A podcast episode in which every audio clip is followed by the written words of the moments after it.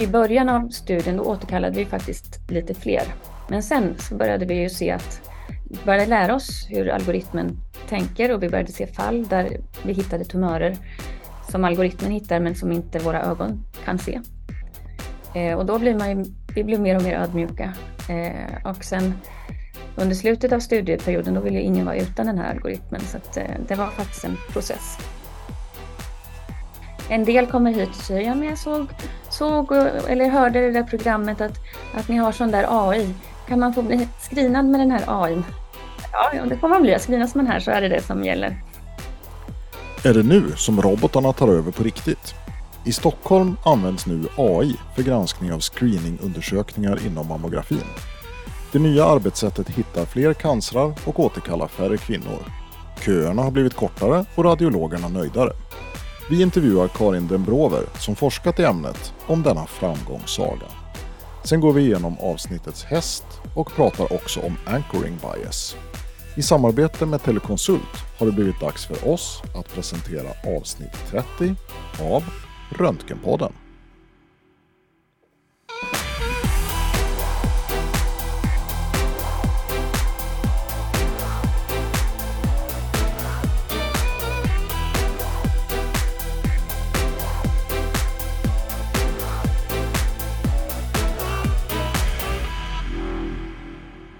Hej Jörgen, välkommen till det 30 avsnittet av Röntgenpodden.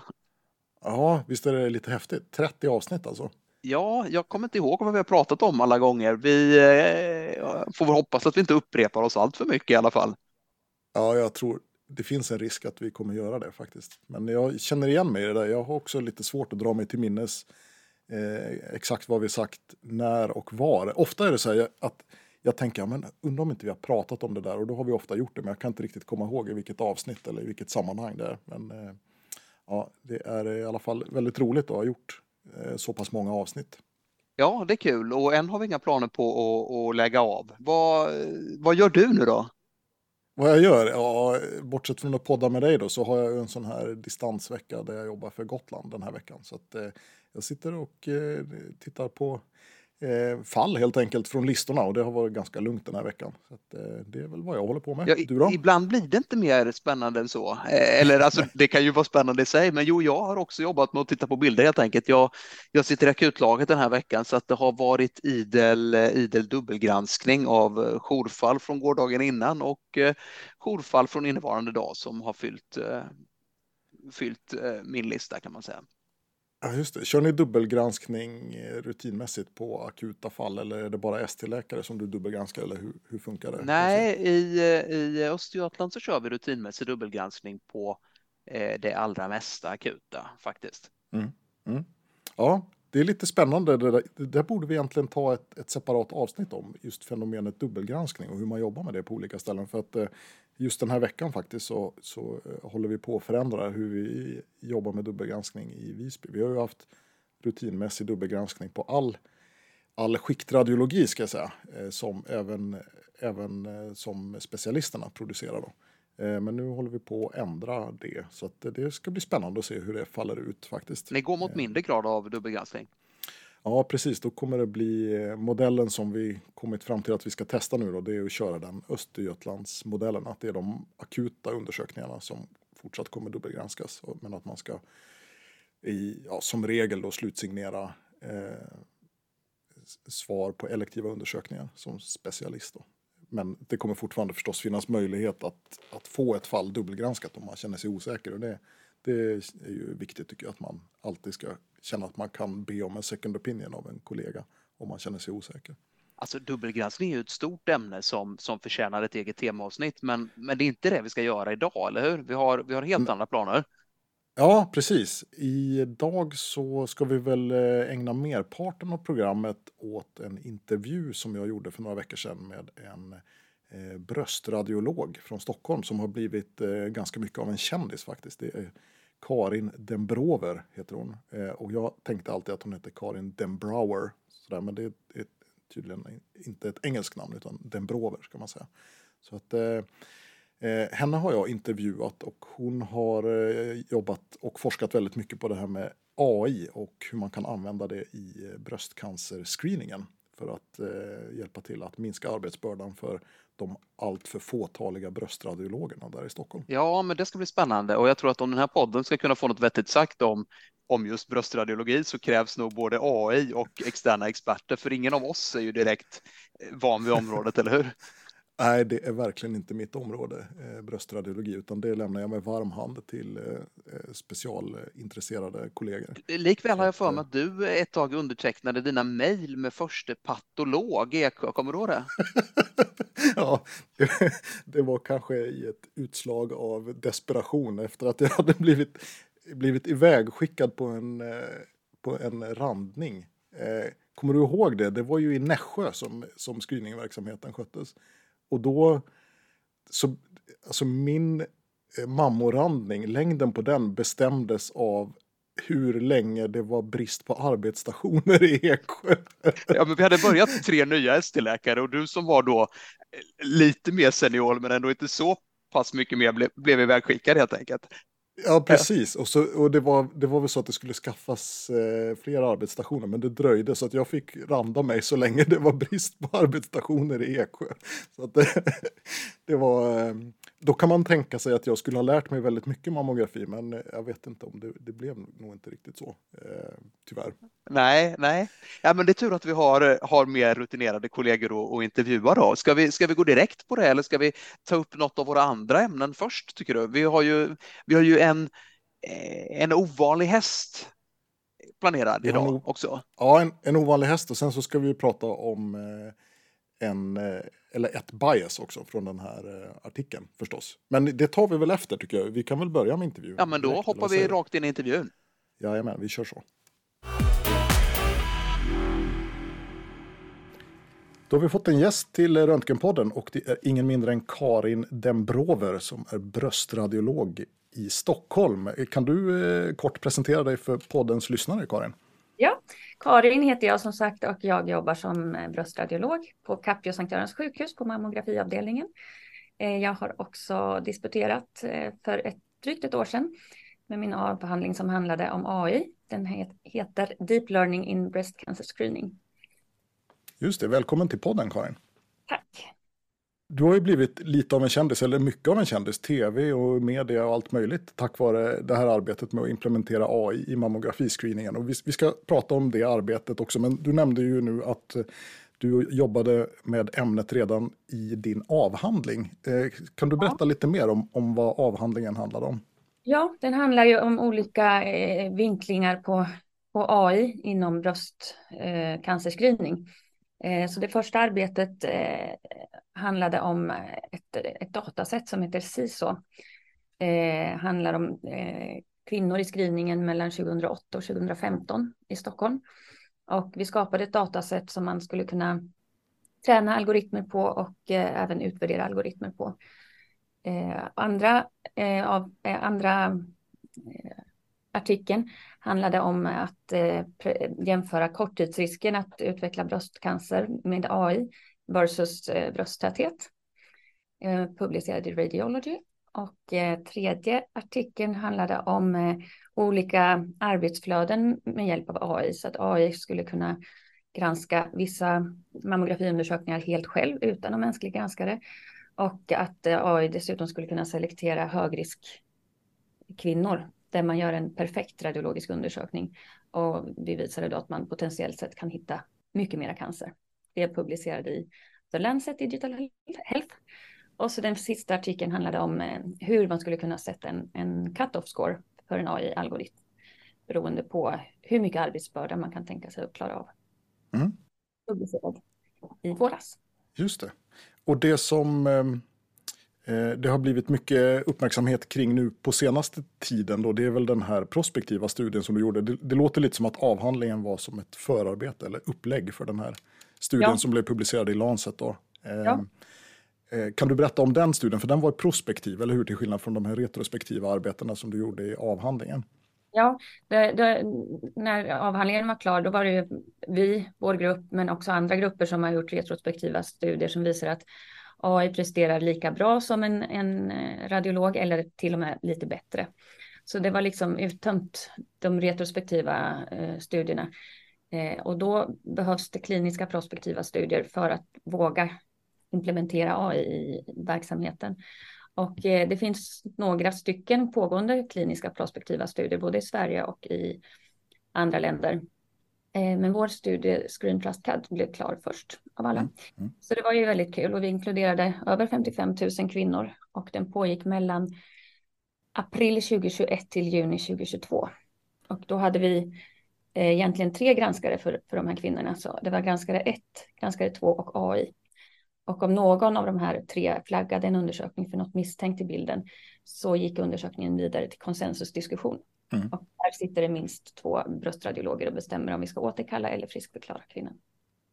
Just det, det var en sak som jag funderade på, för det, bara så att alla lyssnare har det normala arbetsflödet klart för sig, som det var innan ja. den här förändringen, då, då, då var det dubbelgranskning med två radiologer. Ja. Och om en av dem tyckte att bilden såg misstänkt ut, då blev det diskussion mellan första och andra granskaren och, och så försökte man komma överens om, om eh, hur man skulle gå vidare. Visst var det så? Ja, det behöver inte vara diskussion mellan första och andra granskaren, men diskussion okay. mellan två stycken, två stycken radiologer. Ah, Okej, okay. ja, just det, ja. för det var min följdfråga, nämligen om nu AI var en av, av eh, eh de som uttryckte misstänksamhet. Precis, det är lite svårt att diskutera med AI, men då, ja. då fick man diskutera med en annan människa. Då, hur man... Ja, precis, och det, det bygger ju på att, att de här diskussionerna finns för att AI kan ju inte förstå om en kvinna känner ett symptom eller sekretion från brösten eller mm. höra vad hon säger, utan där måste en människa sitta och se vad man har skrivit i remissen. Just det. Så indata som AI analyserar, det är ren bildmaterial, det är ingenting från eh, liksom, patienthistorik ja, det... eller så som, som ingår i analysen? Nej, utan det är alla DICOM-parametrar i bilden mm. och ålder. Just det. det är indata för algoritmen. Och så utdata är en score mellan 0 till 100. Där 0 är frisk, 100 eh, är eh, sannolik cancer. Eh, och det är den scoren man får ut. Och sen har vi en cut-off score på 53,4. Mm. Och AI-algoritmen flaggar det som är över, över 53,4. Just det, och då, då går det en signal till andra granskaren då att AI har bedömt den här bilden som, som patologisk. Ja, egentligen inte andra granskaren för den är blindad. Okej. Okay. Mm. Däremot så hamnar undersökningen direkt i, i den här konsensusdiskussionen. Just det. Så att eh, studien genererade lite mer konsensusdiskussioner än vad vi hade innan. Mm. Och eh, utdata från AI, eh, får man bara siffran som eh, viktar risken för cancer så att säga? Eller eh, får man också en indikation om vilket område i bröstet som är bedömt som patologiskt så att det ja. ringas in eller så?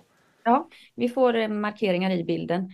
Eh, ibland är markeringen bara ett bröst, eh, ibland är det att de korresponderar med varandra. Så det är två projektioner. Mm. Men det är markering och en poäng.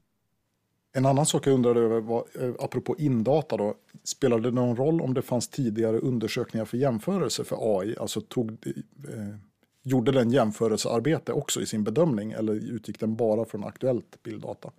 Det är en väldigt bra fråga. Eh, den algoritmen vi använder kan inte jämföra med föregående bilder.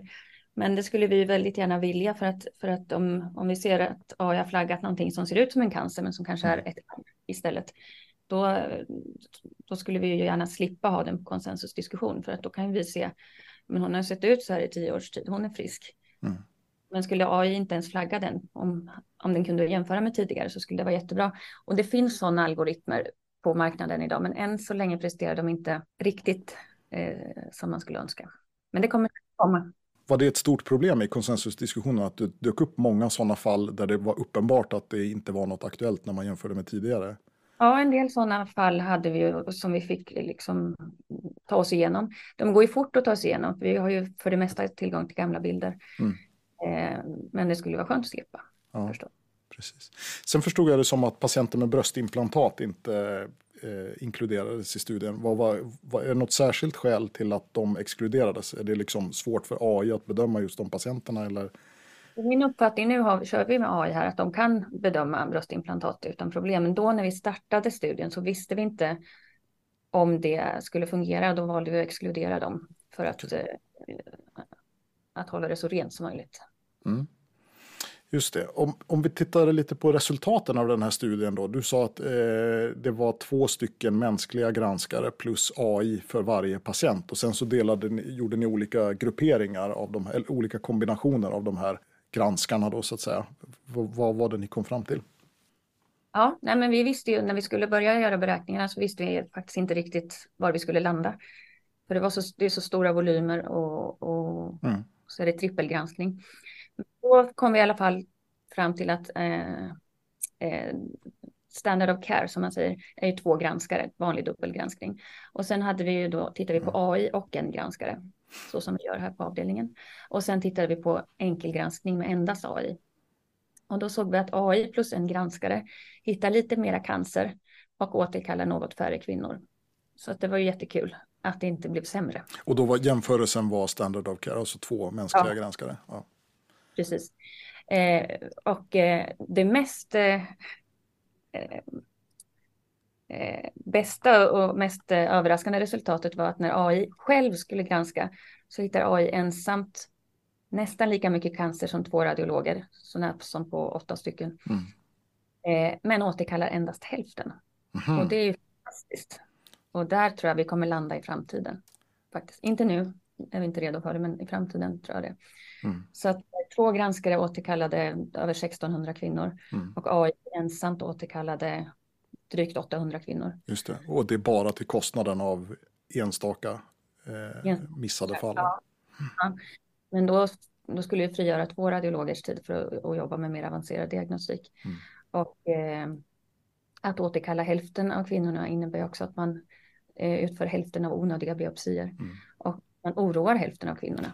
Det, och det är ju en jätteviktig grej förstås. En stor, stor sak för de som, som idag har jobbat här med återkallade och de är jättenervösa, mm. jätterädda för många och, och, har fått vänta ett tag på sin undersökning. Så det, Såklart.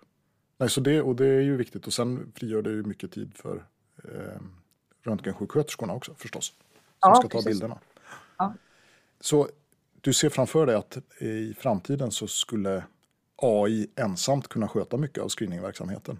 Eller kanske helt och hållet? Ja, alltså innan, innan vi skulle prova det så måste vi ha flera, flera studier som pekar åt samma håll förstås. Ja, men resultatet i vår studie är ju väldigt bra. Mm. Att hitta nästan lika mycket cancer, hitta lika mycket avancerade cancrar och återkallar hälften. Det är eh, fantastiskt. Men nu kör vi AI och en granskare. Just det. Vågar du komma med någon framtidsspaning? Hur långt fram i tiden ligger AI som ensam granskare av screeningundersökningar? Ja, vi har faktiskt sån här lite strategiplanering för sjukhuset eh, eh, strategi 2030. Och där skulle jag säga att där vi, skulle vi kanske kunna vara AI som ensam granskare. Det är en sån här fråga som ofta kommer upp när man diskuterar AI inom radiologi. Att, eh, ja. Risken för att vi radiologer ska bli arbetslösa. Det känns som att eh, ni ligger illa till då. Eller känner, känner du dig själv hotad av arbetslöshet eller finns det annat som ni kan göra istället? Ledande fråga. Jag känner mig absolut inte hotad av arbetslöshet. Eh, bara som en, en, extra inför att det är extrem brist på bröstradiologer i Sverige. Mm. Eh, vi är nu 71 stycken i hela Sverige och det saknas 55 stycken. Och det är ganska dålig återväxt och väldigt många är pensionärer som jobbar. Mm. Eh, och jag förstår inte varför, för jag har verkligen mitt drömjobb. Jag tycker det är jätteroligt. Men eh, det, det, finns hur mycket jobb som helst att göra och sen kan man ju säga att AI kan ju granska bilder och screeningbilder och sådär, men, men AI kan inte ta hand om gråtande kvinnor, kan inte göra ultraljud, kan inte ta biopsier, kan inte göra MR-ledda funktioner. Så äh, där måste det finnas människor. Det finns fortfarande plats för riktiga människor alltså? Ja, det gör det absolut. Um, och den här studien, den, eh, den har ju redan lett till förändring i hur ni jobbar. Alltså ni jobbar ju enligt eh, ni har förändrat ert arbetssätt enligt resultaten i den här studien, eller hur? Ja, för när vi fick resultaten och, och insåg att, att de här resultaten är faktiskt bättre än, än, än nuvarande metod, mm. eller nuvarande sätt som vi jobbar på. Så då kändes det ju fel att inte ändra arbetssätt eh, om vi kan förbättra för kvinnorna. Mm. Och eh, då har, du, har vi jobbat enligt det här sättet sedan vi startade studien 2021. Så att alla kollegorna här på avdelningen är väldigt vana vid algoritmen. Så att när vi väl startade och bytte ut en granskare mot AI så var det inget, det var inget dramatiskt på avdelningen utan vi jobbade vidare. Det, det bygger ju på att den människan som granskar är erfaren, kan inte sätta en nybörjare som enda eh, granskare av, av screeningbilderna. Men vi är, vi är nio stycken erfarna eh, bröstradiologer här. Så, att, så det, det här gick väldigt bra faktiskt. Och sen eh, var det ju en process innan vi kunde starta. Eh, eh var ju lite utmaningar förstås. Dels var vi tvungna att prata med regionen för, för Capios avtal med regionen, RCC Stockholm Gotland. Det står att det ska vara två granskare. Mm. Och då blev det en tolkningsfråga, vad är en granskare? Just det. Då var det eh, hon som är chef för bröst på RCC. Hon sa att ah, men vi, kan, vi, nu, vi kan säga att AI är en granskare. Så då fick vi okej på det. Och sen så var det ju ganska mycket med att eh, avtalet med den här eh, kommersiella algoritmen eh, från Sydkorea. Eh, för det är ju två olika länder. Så att först var det lite frågetecken om hur eventuella tvister skulle lösas. Och då ville ju de då att det skulle vara en domstol i Singapore med amerikansk lag. Mm. Och det går ju absolut inte. Men vi kom, hittade en, kom runt en lösning på det också. Mm. Eh, och sen så var det ju också IT-säkerhet. Eh, se till att, eh, att det fungerar perfekt och säkert. Och sen hade vi också lite funderingar, liksom både etiskt och eh, legalt ramverk. Vad, eh, om AI gör fel, vem är ansvarig då? Mm. Och det vet vi fortfarande inte riktigt än. Är det jag som är medicinskt ansvarig eller är det min verksamhetschef eller är det sjukhusets vd? Eh, det, det är liksom inte prövat någon gång så, så det är svårt att svara på. Eller är det bolaget i Sydkorea? Ja, ja. precis. Ja, precis. Men, men sen när vi hade liksom ordning på alla de här, eh, de här pusselbitarna så eh, sa vi, ska vi köra nu? Ska vi göra det? Ja, vi kör. Mm. Och eh, det föll väl ut. Det har varit väldigt lugnt och gått smidigt till. Och på något vänster så är vi faktiskt ett köfritt bröstcentrum nu och det har aldrig hänt sedan jag började med bröst 2015. Det har varit, det är all, vi har alltid brottats med väldigt långa köer och extra pass och extra screeningpass och ligga efter i screeningen efter pandemin. Men eh, nu, nu fredag eftermiddag här så kunde vi konstatera att eh, vi är i fas med screeningen idag och eh, vi har inga köer. Vi är klara med de kliniska patienterna och eh, inga ämnen att skriva på. Och, ja. Fantastiskt. Det är fantastiskt. Ja. Och det bedömer du, det är tack vare det nya arbetssättet helt enkelt? Delvis i alla fall. Mm. Sen jobbar, jobbar vi hårt förstås, men, men, eh, ja, men delvis. Detta avsnitt av Röntgenpodden sponsras av Telekonsult, teleradiologiföretaget med den flexibla arbetsmodellen. Är du radiolog och önskar jobba för oss finns goda möjligheter att skräddarsy ett upplägg med god ersättning som passar just dig. Jobba heltid eller deltid, hemifrån eller från kontor, från Sverige eller från utlandet. Vi har både elektiv och akut verksamhet och granskar konventionell röntgen, DT, MR och PET. Verkar det intressant? Besök hemsidan www.telekonsult.net för mer information och intresseanmälan. Om du som lyssnar innehar chefsposition på en röntgenavdelning, kontakta oss gärna för att se vilka lösningar vi kan erbjuda i samband med att det nya arbetstidsdirektivet träder i kraft. Eh, jag tänkte att de patienter som kommer för att göra sina screeningundersökningar, eh, uppfattar du att de eh, generellt är medvetna om den här förändringen i och med att det har varit mycket uppmärksamhet kring det? Och ja. hur, hur, har det i så fall mottagits av dem? Vad, vad kommer det för reaktioner? Eh, bara positivt hittills. Eh, en del kommer hit och säger, ja men jag såg, såg eller hörde det där programmet att, att ni har sån där AI. Kan man få bli screenad med den här AI? ja, ja, det får man bli. Screenas man här så är det det som gäller. Mm. Eh, alltså, hittills positivt. Mm. Och, och, när ni inledde den här studien då och började jobba enligt det nya sättet, hur togs det emot av dina kollegor? Var det också lika positivt eller? Var... Eh, Ja, i, när vi skulle starta studien, då, som jag sa, vi har liksom varit hårt arbetsbelastade, mm. alltid. Och då kom jag med det här förslaget då och då var det lite så här grymtande att ja men Karin ska vi, ska vi göra ännu mera nu och mäktar, mäktar vi med det? Eh, så ja men lite skepticism. Eh, men vi fick peppa och, och i början av studien då återkallade vi faktiskt lite fler. Mm. 3,5 procent och vi ligger på 2,5 procent egentligen. Eh, men det var för att vi var lite osäkra på hur algoritmen fungerade. Så vi plockade in lite fler än vad vi behövde. Men sen så började vi ju se att, började lära oss hur algoritmen tänker och vi började se fall där vi hittade tumörer som algoritmen hittar men som inte våra ögon kan se. Eh, och då blir man ju, vi blir mer och mer ödmjuka. Eh, och sen under slutet av studieperioden då ville ingen vara utan den här algoritmen så att, eh, det var faktiskt en process. Mm. Och jag tycker att algoritmen är ju bra också.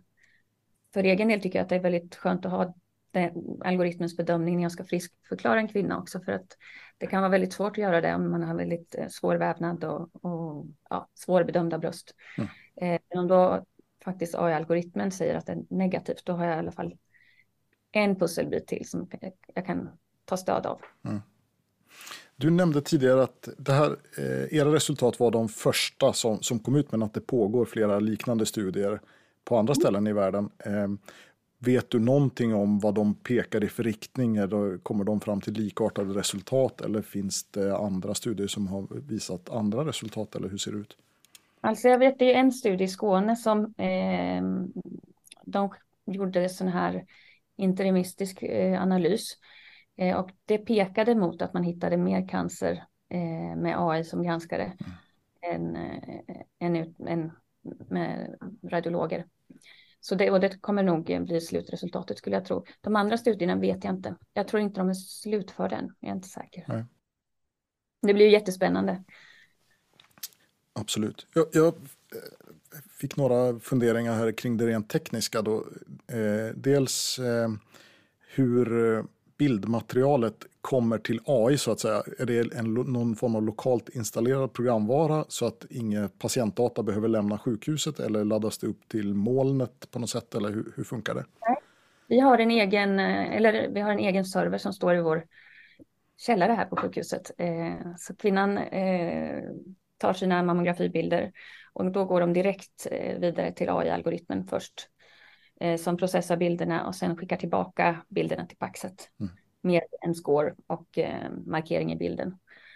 Och sen går det från Paxet till, eh, till den här enkelgranskningslistan som vi har. Och då sitter vi radiologer och plockar från den. Just det. En, en annan sak, det, liksom det, det, ekonomiska i detta, för jag antar att företaget eh, får ju betalt för sin programvara förstås, eller tjänsten de levererar. Eh, är det kostnadseffektivt att köra AI plus en radiolog jämfört med två, två radiologer? Alltså hur står sig kostnaderna i förhållande ja. till varandra? Ja, eh, jag vet att det finns olika upplägg eh, för de här AI-företagen. Man kan ta, de kan ta betalt per undersökning eller per eh, tidsperiod. Mm. Eh, och nu har ju vi fått, eh, när vi bestämde att vi skulle köra eh, med AI i skarpt läge, så jag tror att jag vet att vi har fått ett fördelaktigt pris förstås. För vi, de vill ju, tycker att det är jättebra att mm. vi gör det här. Eh, men jag var inte med i förhandlingen där och det känns väldigt skönt. Mm. Så eh, eh, blir det billigare eller blir det dyrare totalt sett? Vet du det? Eller? Eh, det, jag kan inte svara på det, men jag skulle säga på totalen blir kvaliteten bättre. Ja. För att då kan vi använda vår tid till att göra mer nytta för, för patienterna. Just det. Okej. Okay.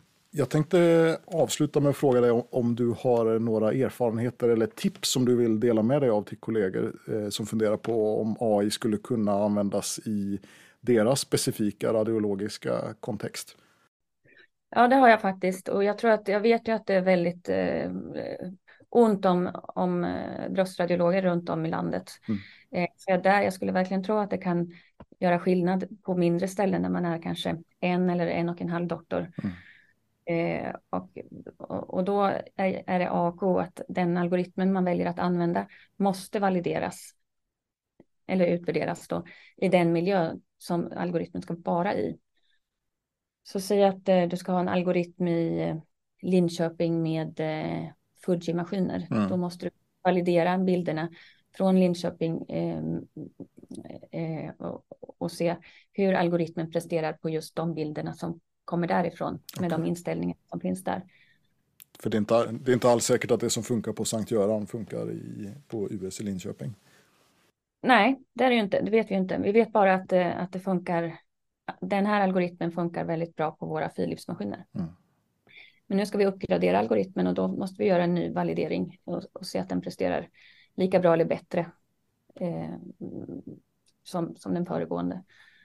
Och sen står vi inför att vi ska byta maskinpark så småningom och då blir det inte Philips för de tillverkas inte längre. Mm. Och då får vi göra ytterligare en validering beroende på vilket, eh, vilket märke vi väljer. Hur, hur, omfattande är varje sån validering då? För den här studien ja. var ju 50 000 plus. Eh... Ja, en sån här studie kan man ju inte göra varje gång. Nej. Det tar ju både tid och kostar jättemycket pengar. Ja. Men det finns andra alternativ för validering. Det finns eh, olika molnlösningar plattformar finns det som man kan eh, ansluta en algoritm till och eh, eh, skicka ett antal bilder och så får man ut en rapport på hur, hur den algoritmen presterar på våra bilder till exempel. Och så finns det flera olika algoritmer som är anslutna till den här plattformen. Mm.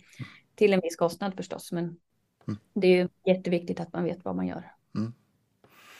Kul att ha dig med Karin och höra dig berätta ja. om det här jättespännande arbete och roligt att det har blivit så lyckat. Är det någonting mer du känner att du vill förmedla till lyssnarna innan vi avslutar?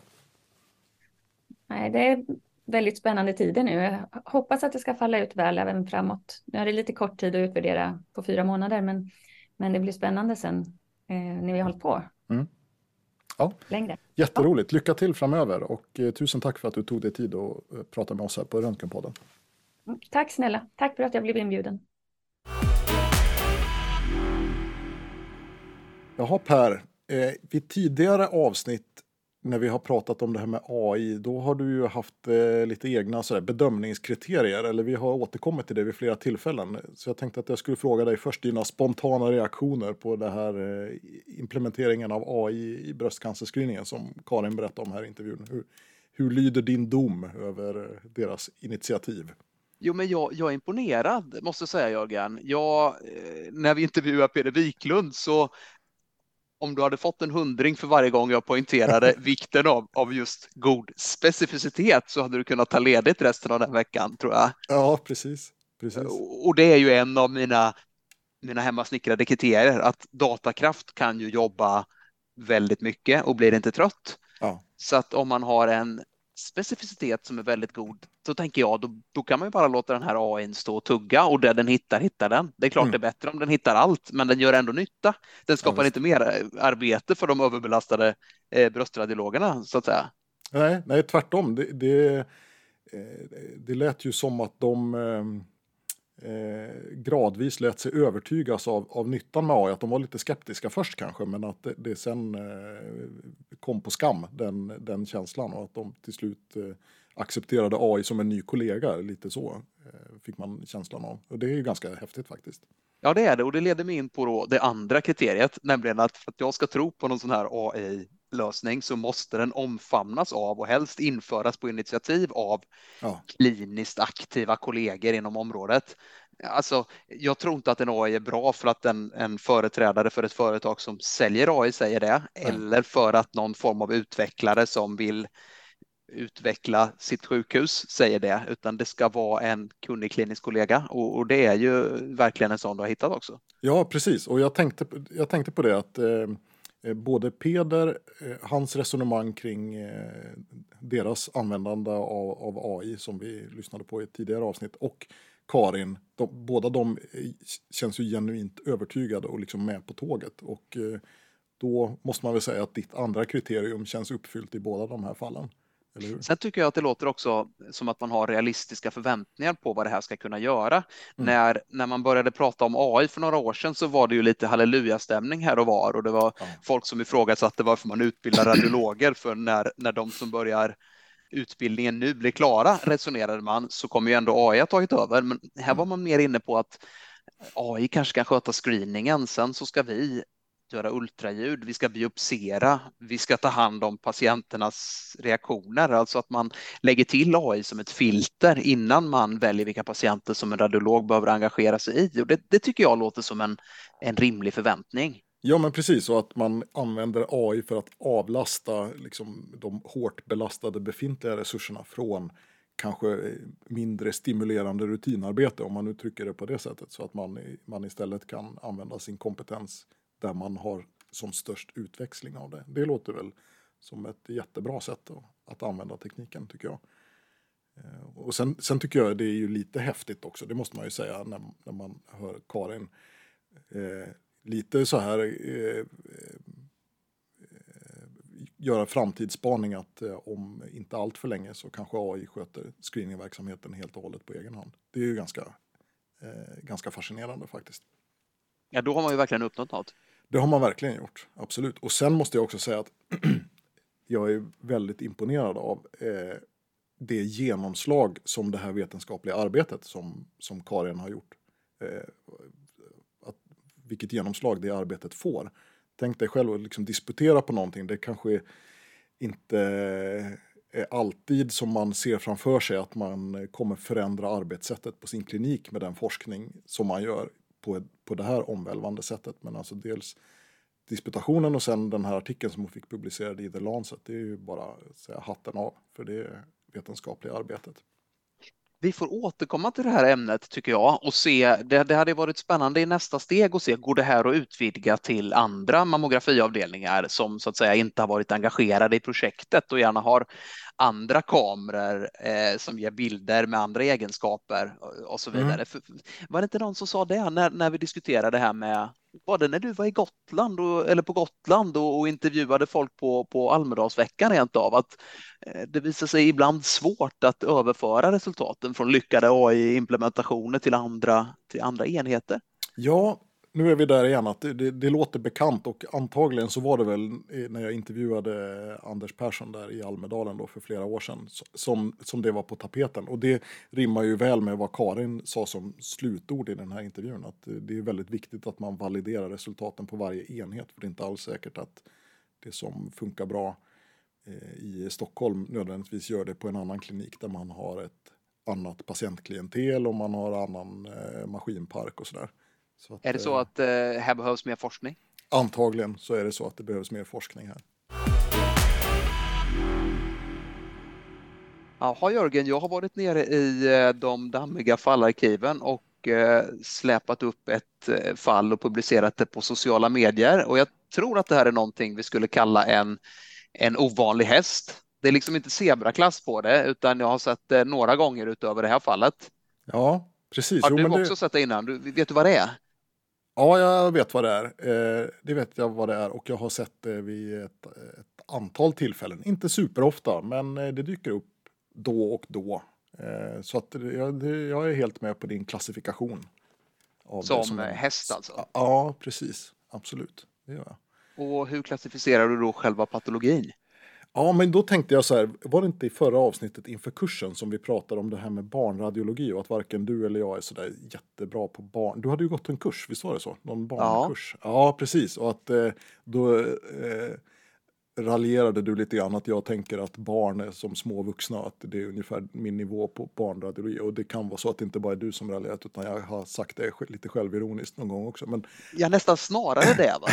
kanske, kanske snarare, jag ska sluta skylla på dig Per, eh, för mina egna tillkortakommanden. Men eh, det jag tänkte på var, den här kursen vi körde, då hade vi med Karin, eh, Karin Ilg Arbin från Kalmar som är jätteduktig på barnradiologi. Och då fick man ju lära sig ett och annat på kursen. Och då tänker jag, nu blir det ju tvärtom. Att eh, jag får tänka att vuxna, det är som stora barn istället. Eh, och Genialt! Genialt! Och det gjorde att jag kunde knäcka det här fallet, för att det, det såg ut som en invagination, eller hur?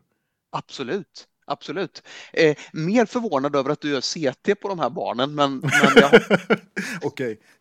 Eh, eh, liknelsen var väl inte perfekt kanske. Men nog såg det ut som en, en invagination alltid, tycker jag. Ja, men det är ju så. Alltså i tarmen, i kolon, så har vi mer tarm. Det ser ut att vara mer kolon där och lite, lite mesenterium också kanske. Ja, det var väldigt tjockt där faktiskt. Ja, vad har hänt med de här patienterna du har hittat eh, tidigare då som har haft de här kolokoliska eller kanske iliokoliska invaginationerna men, men som har varit vuxna? Ja, om vi pratar vuxna då så, så eh, skillnaden från barn är väl eh, dels att jag, jag, inte brukar behöva eh, ge mig på att reponera de här med någon, eh, med någon sån här eh, kontrastövning i, på genomlysningslabbet. Utan det här brukar ju snarast bli operationsfall. Och ofta så är det ju så att det finns någon, någon form av patologi, kanske en tumör eller så, som är orsaken till det här invaginationstillståndet. Då. Ja, jag har ett tydligt minne av en kollega som kom in på avdelningen väldigt trött för några år sedan och var sur för då hade någon tyckt att en eh, vettig handläggning av det här var att, att göra en reposition och, och dragit upp honom på natten för det. Men det var ju liksom, det, det, var ju inte någonting han var överens med kirurgerna om. Alltså här finns ju i allmänhet någon så kallad leading point, ofta en tumör som orsakar den här invaginationen. Så det är ju i allmänhet operationsfall och inte fall för radiolog när det inträffar hos, hos vuxen. Ja, men precis. Hur, hur gjorde din kollega? Eh, lyckades han avstyra repositionsförsöket? Eller hur, ja, det, det, det, gjorde han. Ja, just det. Men du, sen är det väl också lite skillnad, för det här fallet, eh, eh, om man inte har sett det förut, då kan man ju liksom börja klia sig i huvudet och, och fundera på vad fasen är jag tittar på egentligen. Men det råder ju sällan någon tvekan om att det inte är normalt i alla fall. Man skulle ju liksom inte scrolla igenom de här bilderna och bara säga det här ser ut som det ska. Utan man, man reagerar ju på att någonting är, är, är konstigt så att säga. Eh, men eh, det kanske är en effekt av att eh, invaginationen sker i kolon. Det blir ju så pass påfallande i bilden så att säga. Men när man tittar på rutin-CT och, och, och börjar få några undersökningar under västen då kan man ju ibland se sådana här korta Eh, segment av tunntarm där det finns invaginat också. Ja, det, precis. Det är ju inte riktigt, eh, har ju inte riktigt samma patologiska valör i min Nej, värld, hur brukar du hantera dem? Jag brukar nog kanske försöka blunda för dem faktiskt. Eller i alla fall liksom inte i den mån jag alls beskriver det, vilket jag nog oftast inte gör, så försöker jag vara tydlig med att det nog är ett benignt bifynd som inte kräver någon, någon ytterligare åtgärd. Ja, alltså jag får mig att läst någonstans att, eh, att tunntarm i tunntarmsinvaginationer utan dilatation uppströms är i allmänhet benigna bifynd. Ja. Eh, men eh, nu börjar det inte bli dags att efterlysa någon form av tongivande bukradiolog nu, Jörgen, eller vad säger du? Jo, precis. Vi, vi får liksom knyta till oss en hel fakultet här, känns det som snart. Men eh, ja, det kanske vi får efterlysa. Någon, eh, någon extra kunnig invaginationsradiolog som kan uttala sig i frågan. Finns det någon hör av dig. Så hör av dig. Eh, Jörgen, kan du läsa upp rubriken för nästa diskussion utan att komma in på exkrementer den här gången eller ska, ska jag göra det? ja, men erkänn att sen jag sa det förra gången så tänker du på det också varenda gång, eller hur? Varenda gång, ja. Ja, ja eller hur? Eh, vi har eh, kommit till avsnittets bias, kära lyssnare. Eh, inte avsnittets bajs utan avsnittets bias. Och nu ska jag försöka dela skärm här med Per så att vi kan titta på artikeln tillsammans. Eh, och avsnittets bias, det eh, är anchoring bias. Ska vi göra som vanligt att jag läser högst, högt ur artikeln eller? Det tycker jag. Okej, okay, då står det så här. Anchoring bias reflects the undue influence that an initial impression has on the evaluation of subsequently collected information. Anchoring bias can cause a clinician to prematurely settle on a diagnostic hypothesis based on initially gathered information and thereafter downplay alternative diagnostic possibilities. This is also known as the primacy effect, wherein earlier information has a greater effect on interpretation than later information. A closely related bias is confirmation bias, which refers to the tendency to collect and evaluate information in a manner that supports an initial or pre existing hypothesis. In radiology, these biases can have a powerful effect on image interpretation.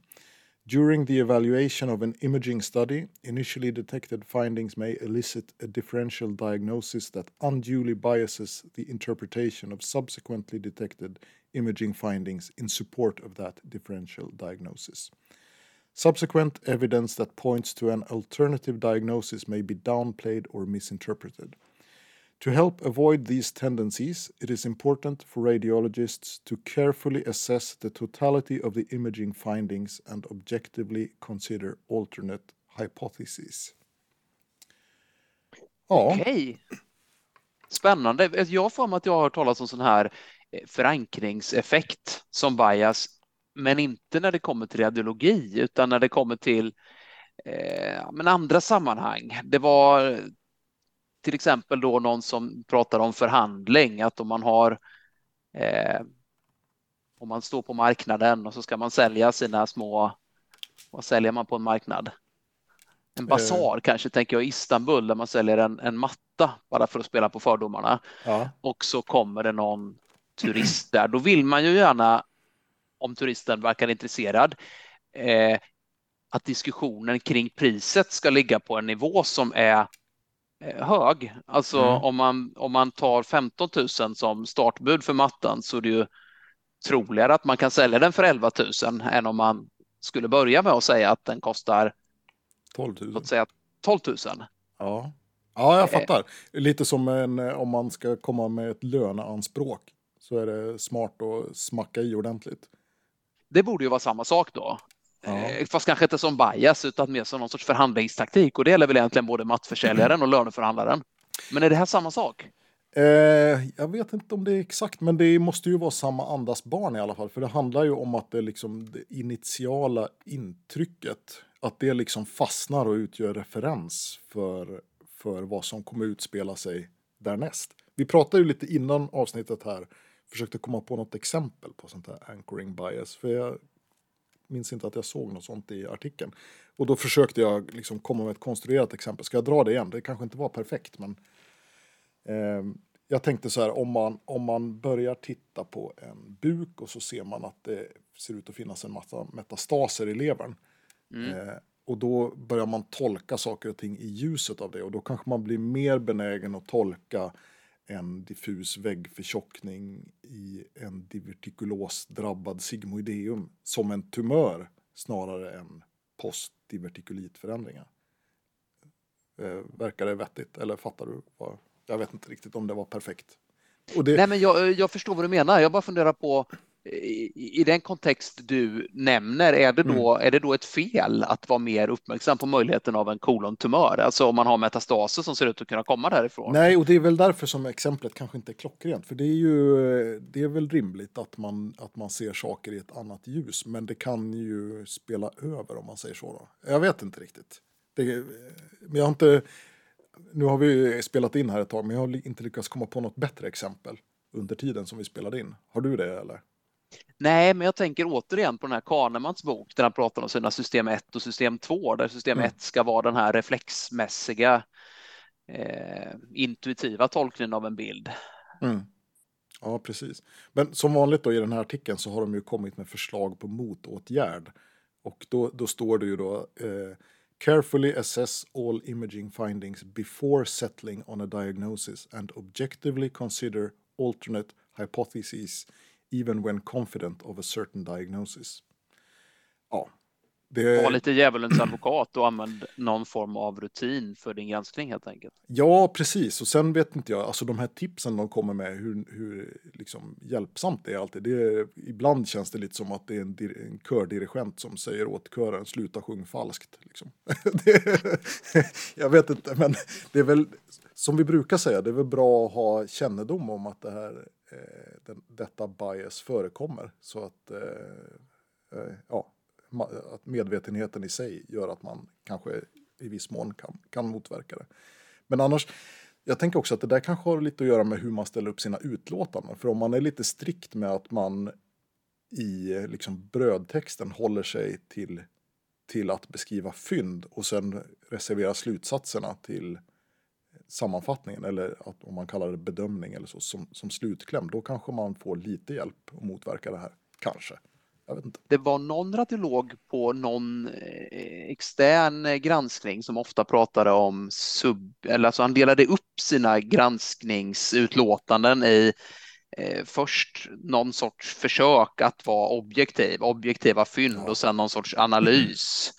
Alltså fynd kan väl aldrig riktigt vara objektiva, men att man ändå någonstans försökte dra en linje mellan vad man såg och hur man tolkade. Det kanske inte är så dumt ändå. Nej, jag kommer ihåg den uppställningen och sen blev det kanske gav ett lite fyrkantigt intryck och blev kanske lite krystat ibland. Men om man kanske försöker bevara det i andan om på något sätt eh, så kanske man eh, delvis kan motverka detta bias, vad vet jag.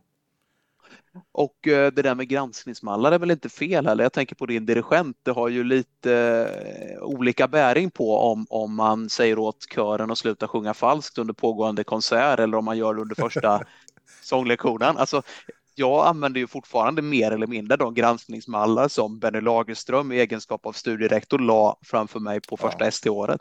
Ja, precis. Och det gör jag också.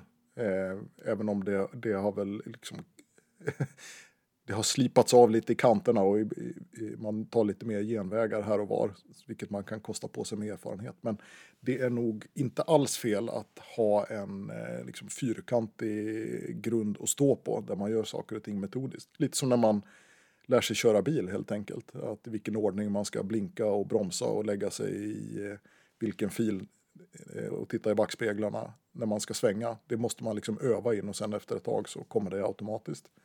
Ja, alltså all, lösningen på alla bias S är ju inte att trafikanten plötsligt börjar göra annorlunda utan en hel del av, av problemlösningen kan ju ligga i, i eh, vad körskolläraren säger på lektionerna. Ja, så är det nog.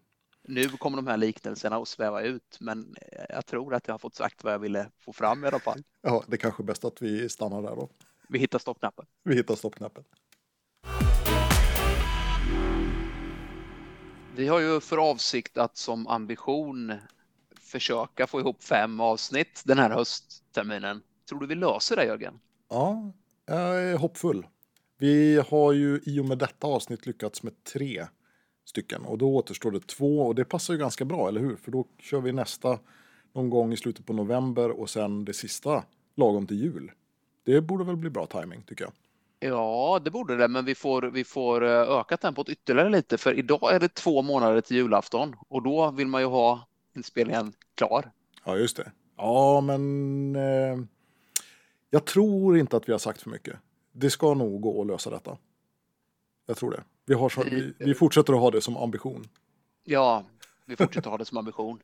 Vad ska du mer få in i eh, livet innan innan hösten är slut. Ja du, eh, jag delade ju min eh, kalender här. Det är fullt med eh, familjelogistik kan man säga. Men eh, eh, ja, vad ska jag få in mer? Vi håller ju på med eh, upphandlingsarbete på eh, min arbetsplats på Gotland.